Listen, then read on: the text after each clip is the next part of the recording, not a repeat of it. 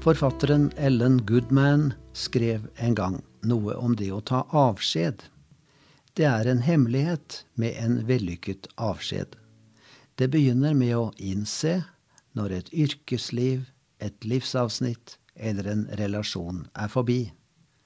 Det gjelder å gi slipp uten å nekte for det verdifulle det har gitt i livet vårt.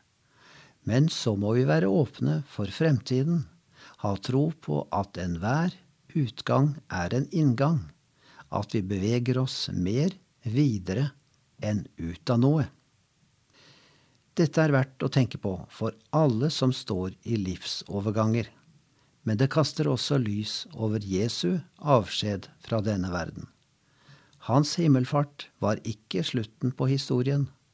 Han ga disiplene kraft, inspirasjon og mot til å gå videre, trygge på at de hadde en åpen himmel over seg.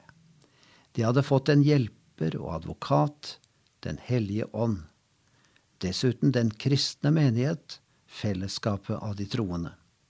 Jesus sa, Det er det beste for dere at jeg går bort, for dersom jeg ikke går bort, kommer ikke talsmannen til dere. Men går jeg bort, kan jeg sende ham til dere. Johannes 16, 7.